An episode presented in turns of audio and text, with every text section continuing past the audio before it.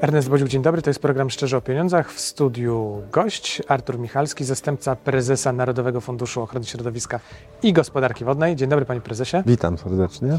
O energetyce sobie porozmawiamy. Mamy dużo tematów e, energetycznych, ale chciałbym zacząć od jednego, mm, o którym w ostatnich miesiącach szczególnie mówi się dużo o energetyce jądrowej. Czy Narodowy Fundusz e, odgrywa tutaj jakąś rolę w tym e, procesie wdrażania tej energetyki jądrowej w Polsce? Owszem, transformacja energetyczna to również energetyka jądrowa, więc jesteśmy zainteresowani, można powiedzieć najogólniej rzecz biorąc. I co więcej, już nawet jesteśmy po pierwszych rozmowach, y, te mniej- mniejsze reaktory y, atomowe są w naszym zainteresowaniu, zwłaszcza mniejsze, dlatego że tu widzimy też szansę na modernizację, transformację ciepłownictwa. A więc tego, tej, tej, tej powiedzmy części energetyki, szeroko pojętej branży energetycznej, która jest w dużym kłopocie ze względu na wysokie ceny uprawnień, ze względu na problemy lokalne. Yy, No generalnie ciepłownictwo się zmaga z dużymi problemami, w związku z tym, w tych, zwłaszcza w tych mniejszych miejscowościach, nie dużych miastach, no ale cho- chociaż też, ale w tych mniejszych miejscowościach, tam gdzie jest to potrzebne, to należałoby tam właśnie pomyśleć o mnie- mniejszych, małych reaktorach jądrowych. Nie mamy jeszcze tak rozpowszechnionych tych y, tych y, urządzeń, tych powiedzmy tych elektrowni, elektrociepłowni. W związku z tym nie mamy też takiej możliwości natychmiast uruchamiać tych, tych działań, ale y, bacznie obserwujemy, jesteśmy wielkimi kibicami tego, żeby właśnie to zaczęło się dziać, żeby, żebyśmy mogli już zacząć po prostu wdrażać no, te rozwiązania znacznie mniej emisyjne, bezemisyjne, oparte na, oparte na czystej energii. A sądzi pan, że nasze społeczeństwo jest już na to gotowe? Bo my przecież nie mamy żadnej elektrowni e, jądrowej, a tutaj nagle zaczęliśmy mówić i o dużej, czy może nawet dwóch dużych, i o wielu małych. Teraz e, mówimy o tym, że w wielu miastach zamiast ciepłowni e, takie elektrownie, tradycyjnej ciepłowni. Myśli pan, że jako społeczeństwo jesteśmy gotowi? Taką rewolucję, Powiem no trochę rewolucja. przewrotnie, a nawet może zaskoczę pana redaktora i widzów, że my już korzystamy z energetyki jądrowej. Ale nie naszej. Ba- bardzo naszej.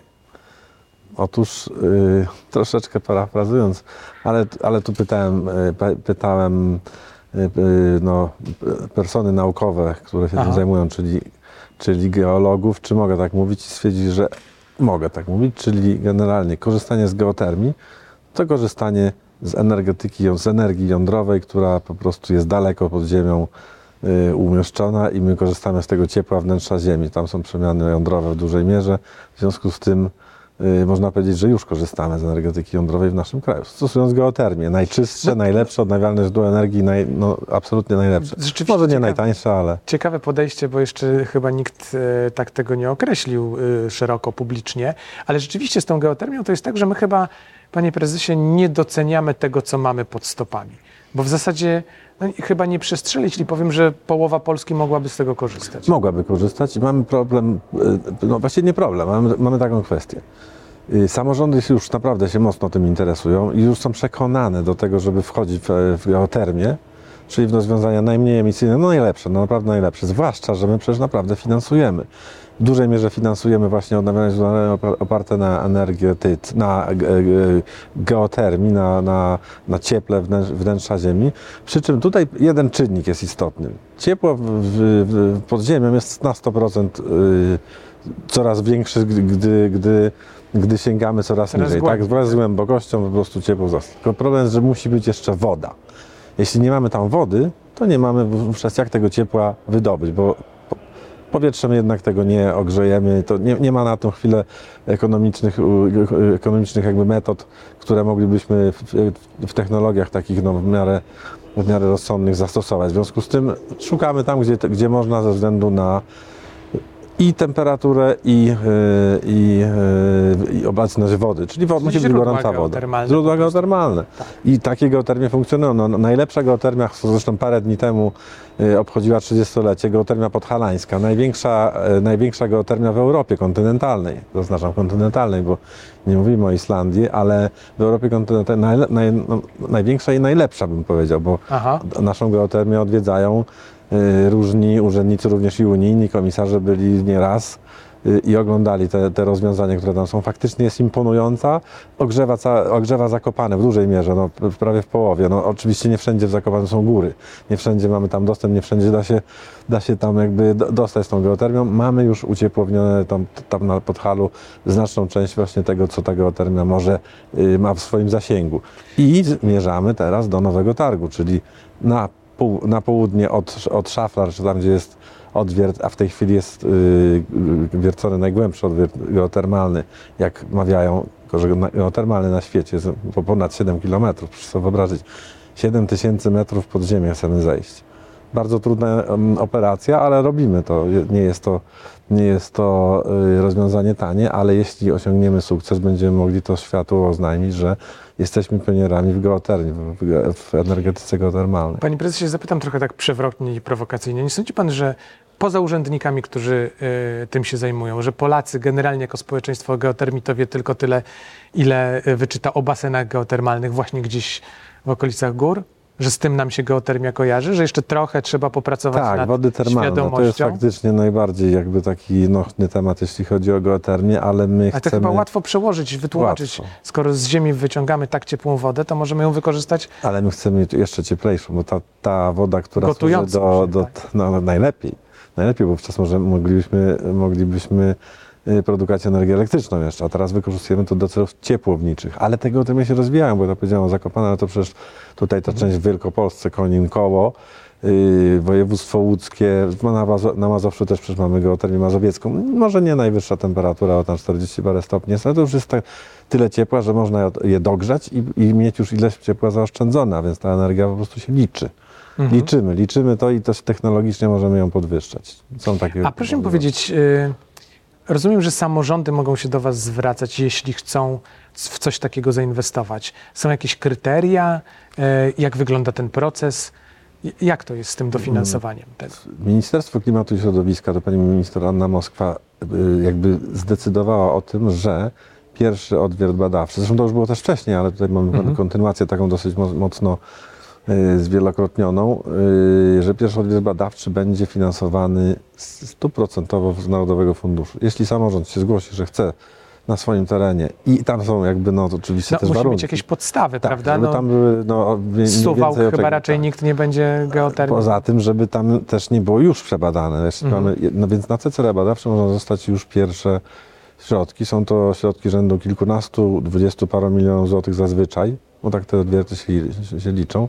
Nie mówię o tym odwiercie bardzo głębokim, Aha. mówiłem w szaflarach, ale to są takie środki i te, te, te pieniążki jesteśmy w stanie z Narodowego Funduszu sfinansować tymi środkami właśnie 100% tego pierwszego odwiertu badawczego. Jeśli on okaże się trafiony, a tak zazwyczaj się okazuje, to możemy go przekształcić odwiert eksploatacyjny i kontynuować ciepłownię geotermalną, czyli teraz już zbudować albo odwiert chłonny, gdzie woda już po ochłodzeniu będzie zatłaczana z powrotem, albo wykorzystać tą wodę, bo to też możliwe. Ta woda może być wykorzystana również do wodociągów, tam gdzie ona spełni parametry. No nie wszędzie. Zazwyczaj jest, te wody termalne mają wysoką mineralizację, ale, ale są miejsca, gdzie jest bardzo dobra woda pitna i wówczas można ją dać do wodociągu i korzysta wtedy z czyściutkiej wody również y, gospodarka komunalna, czyli, czyli powiedzmy zaopatrzenie w wodę. I y, taką ciepłownię z, da, z dalszych programów, bo takie programy Polska Geotermia, plus mamy też firmę Geotermia Polska, która zajmuje się współpracą z samorządami właśnie w rozwoju geotermii.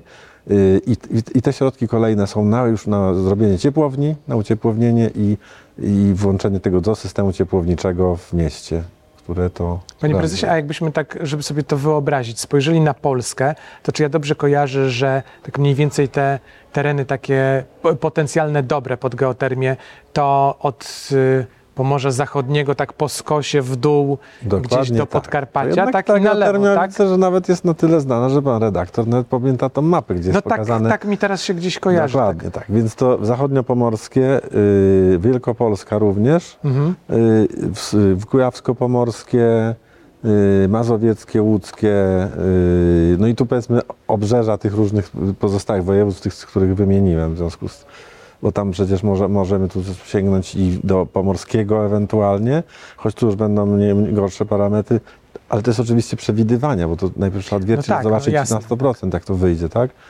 A teraz tych odwiertów jest robione już kilkadziesiąt, dosłownie naprawdę kilkadziesiąt.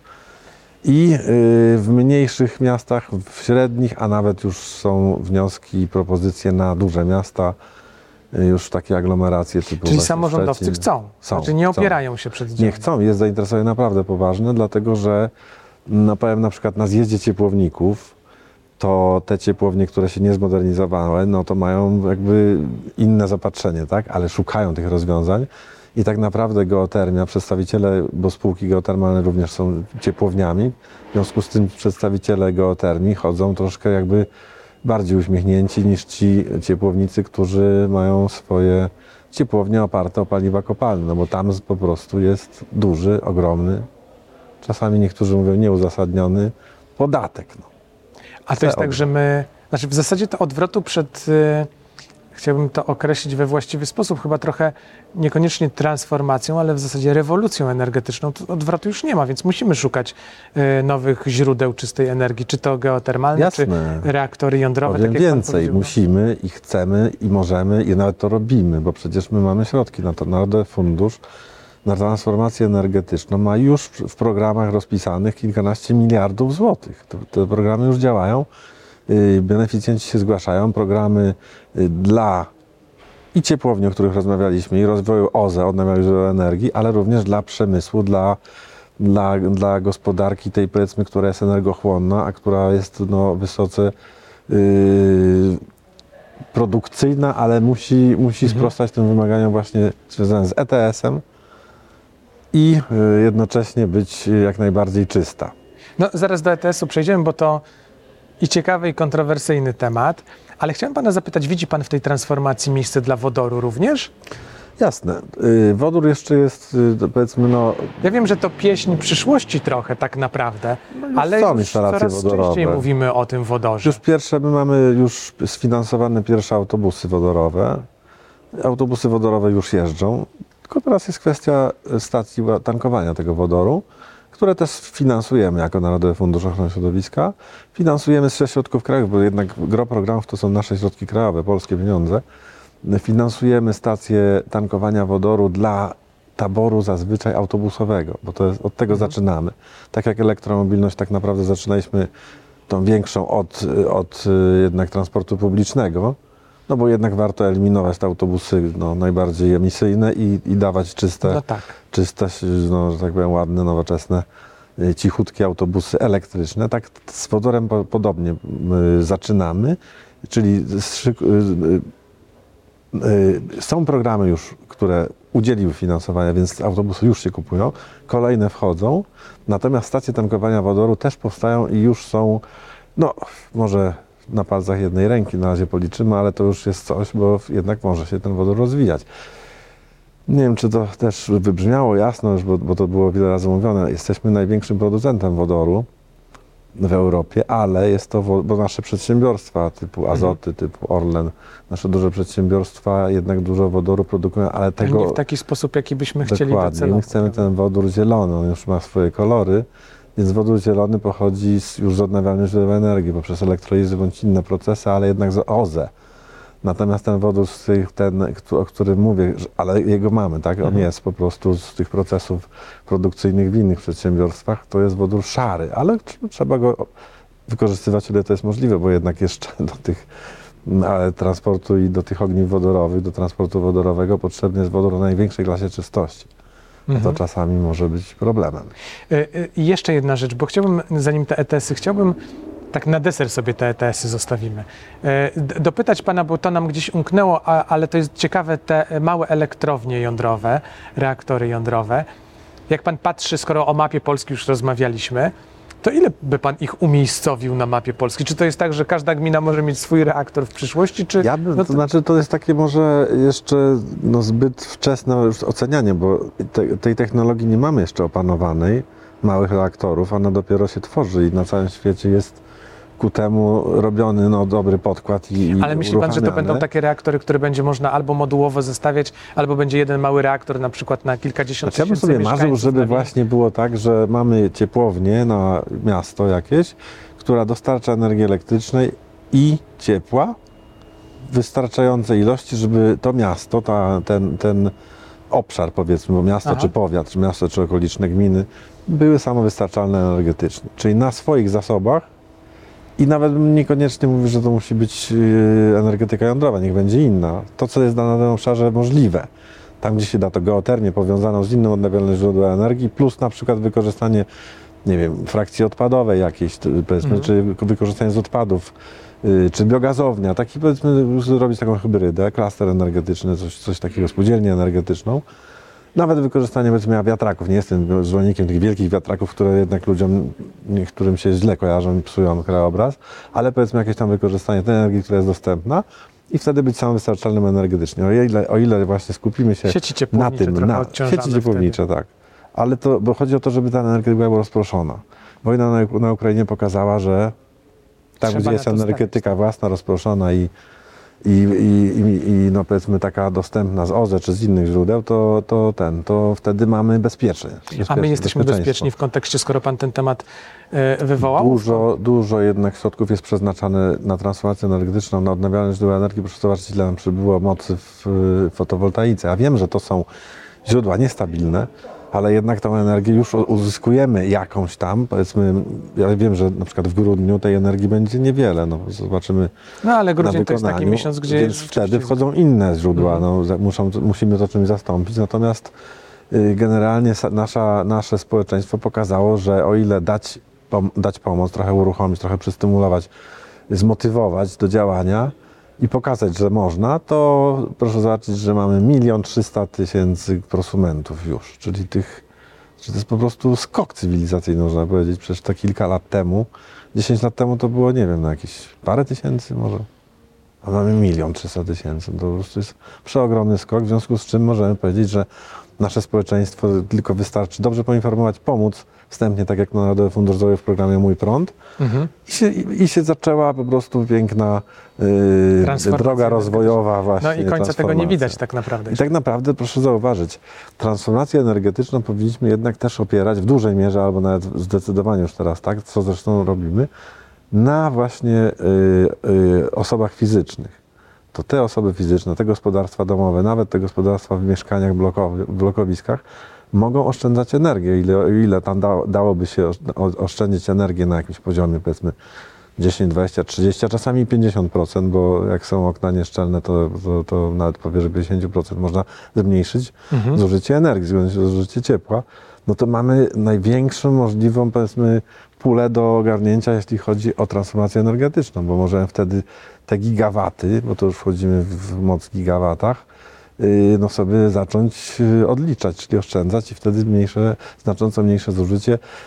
No i przy tym, tak jak powiedziałem, procesie yy, przechodzenia na energetykę rozproszoną, czyli bezpieczeństwo energetyczne, mm, własna enklawa, powiedzmy, energetyczna, te wyspy energetyczne, oczywiście również, y, również y, w, w, no jakby w parze z tą energetyką dużą, zawodową, to, to naturalne, ale jednak te, te powiedzmy klastry energetyczne, spółdzielnie energetyczne y, albo wyspy energetyczne, albo gmina samowystarczalna energetycznie, to by było właśnie to, co, byśmy, co by nam naprawdę rozwiązało i poważnie pokazało w poważny sposób, że można robić transformację bezpieczną i przyjazną dla każdego człowieka, no bo wtedy my jesteśmy też współ, współautorem Skoro tego, współwłaścicielem. Użył tego słowa, to ja je wykorzystam do kolejnego pytania. Czy ETS to jest przyjazny system? ETS to jest trochę jakby system, chciałbym powiedzieć nieprzemyślany, ale to chyba ktoś coś jednak przemyślał i to poszło jednak ostatecznie w złym kierunku, bo ostatnio u pani minister y, Anny Moskwy było spotkanie z dużym przedsiębiorcą, który zajmuje się produkcją płytek. Mhm. Płytek Ceramiczny. ceramicznych, czyli ceramika. I y, no, tam jest problem z tym, że on musi płacić ogromne ceny za energię. One są związane oczywiście z systemem ETS, czyli z systemem, który powoduje, że za CO2 jest drogie, w związku z tym energia jest droga i tak dalej, i tak dalej, prawda? Ale tymczasem okazuje się, że z, z Indii sprowadzane są płytki bez tych obciążeń, a jednocześnie bez cła, bo tam Chiny są No, bo obciążone. ETS obowiązuje Tak. u nas w Europie, a nie w Indiach. a nie tak. No więc tam jest, proszę zauważyć, te przeogromnie ciężki transport, no bo to jest tak ciężkie. No przyjadę do No no samochodu, że paczkę płyt, płytek, to już mi To, to jak to na siłowni. widzę, tak. widzę co, to, co, co, jaki to jest ściana. I to jest przywożone, czyli na ten transport i tyle jest zmarnowane energii, czyli emisja, mało, że tam została wyemitowana, przecież to klimat nie jest tutaj, my nie zamkniemy się w akwarium. Klimat jest globalny, on przecież Mhm. ogarnia cały świat, cały glob. I, czyli my z tym ETS-em i tym systemem spowodowaliśmy, że zamiast u nas wytwarzać, to Bardziej opłaca y, się tam. Przychodzi właśnie niestety y, y, No tak, ale to nie jest trochę tak, że... I tu, I tu jest właśnie ten problem CO2, no bo myśmy w tej chwili podwajamy, jeśli nie, nie, nie po, no zwielokrotniamy, w- wręcz zwielokrotniamy, nie zwiększamy, ale zwielokrotniamy y, emisję CO2. W takim przypadku prozaicznym, prawda, z no, płytki ceramicznej. No tak, ale to nie jest trochę tak, że na początku chciano dobrze, a jakoś po drodze wyszło nie jak zwykle. No bo zamysł, no, trudno polemizować z zamysłem, tak? Z, po, to, po to to robimy, żeby zmniejszać emisję, ale może nie przewidziano wszystkiego w tym. No nie przewidziano wszystkiego, w związku z tym, no to, ale przecież nasze postulaty były jasne. Myśmy nie byli zwolennikami jako Polska takiego systemu w takim trybie. Zwłaszcza, że my przecież, jeśli chodzi o, o, o, o, Ale z drugiej o emisję, pieniądze trafiają do, Do Narodowego Polski i Funduszu. można je wykorzystać Zgadza się, we owszem. właściwy sposób. Owszem, ale to jest jednak, trzeba powiedzieć to też jasno, że yy, dlaczego, przepraszam, Kyoto nie zostało dokładnie rozliczone emisje wcześniejsze? Mhm. Przepraszam, no państwa typu Niemcy, Francja czy inne kraje no, z, zachodnie wyemitowały ten dwutlenek węgla. Ten efekt cieplarniany powstał dzięki nim w dużej mierze. One się rozwinęły, pobudowali sobie drogi, a mamy teraz, a teraz my musimy się rozwinąć, musimy trochę dogonić, tak? Jesteśmy na dobrej ścieżce, ale no to dajcie nam też się rozwinąć, tak by należało powiedzieć. Dajcie nam też się rozwinąć i wtedy my zaczniemy również wszystko będziemy mogli zrobić tak jak oni. Bo te środki, które dostajemy, to jednak w dużej mierze są środkami y, czy zwrotnymi, czy środkami, które sami wygenerowaliśmy i wpłaciliśmy. W związku z tym to nikt nam nic za darmo tak naprawdę ostatecznie nie daje.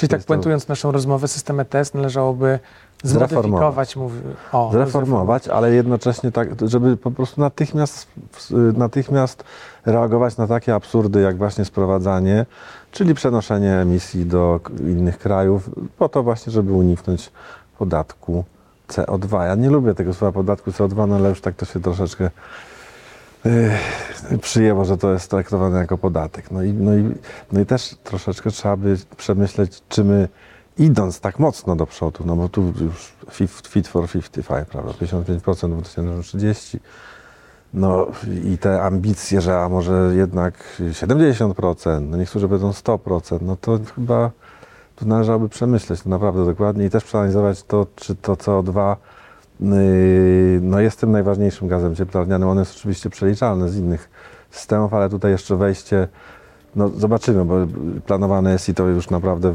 bardzo, bardzo, bardzo yy, jest zaawansowane, zaplanowane już jest wejście transportu i budownictwa do ETS. No to czekamy tylko, No, co to może przynieść. To y, kolejny temat na kolejną rozmowę. Artur Michalski, wiceprezes zarządu Narodowego Funduszu Ochrony Środowiska i Gospodarki Wodnej. Dziękuję panie prezesie. Dziękuję bardzo. To był program Szczerze o Pieniądzach. Ernest Bodziuch, do zobaczenia.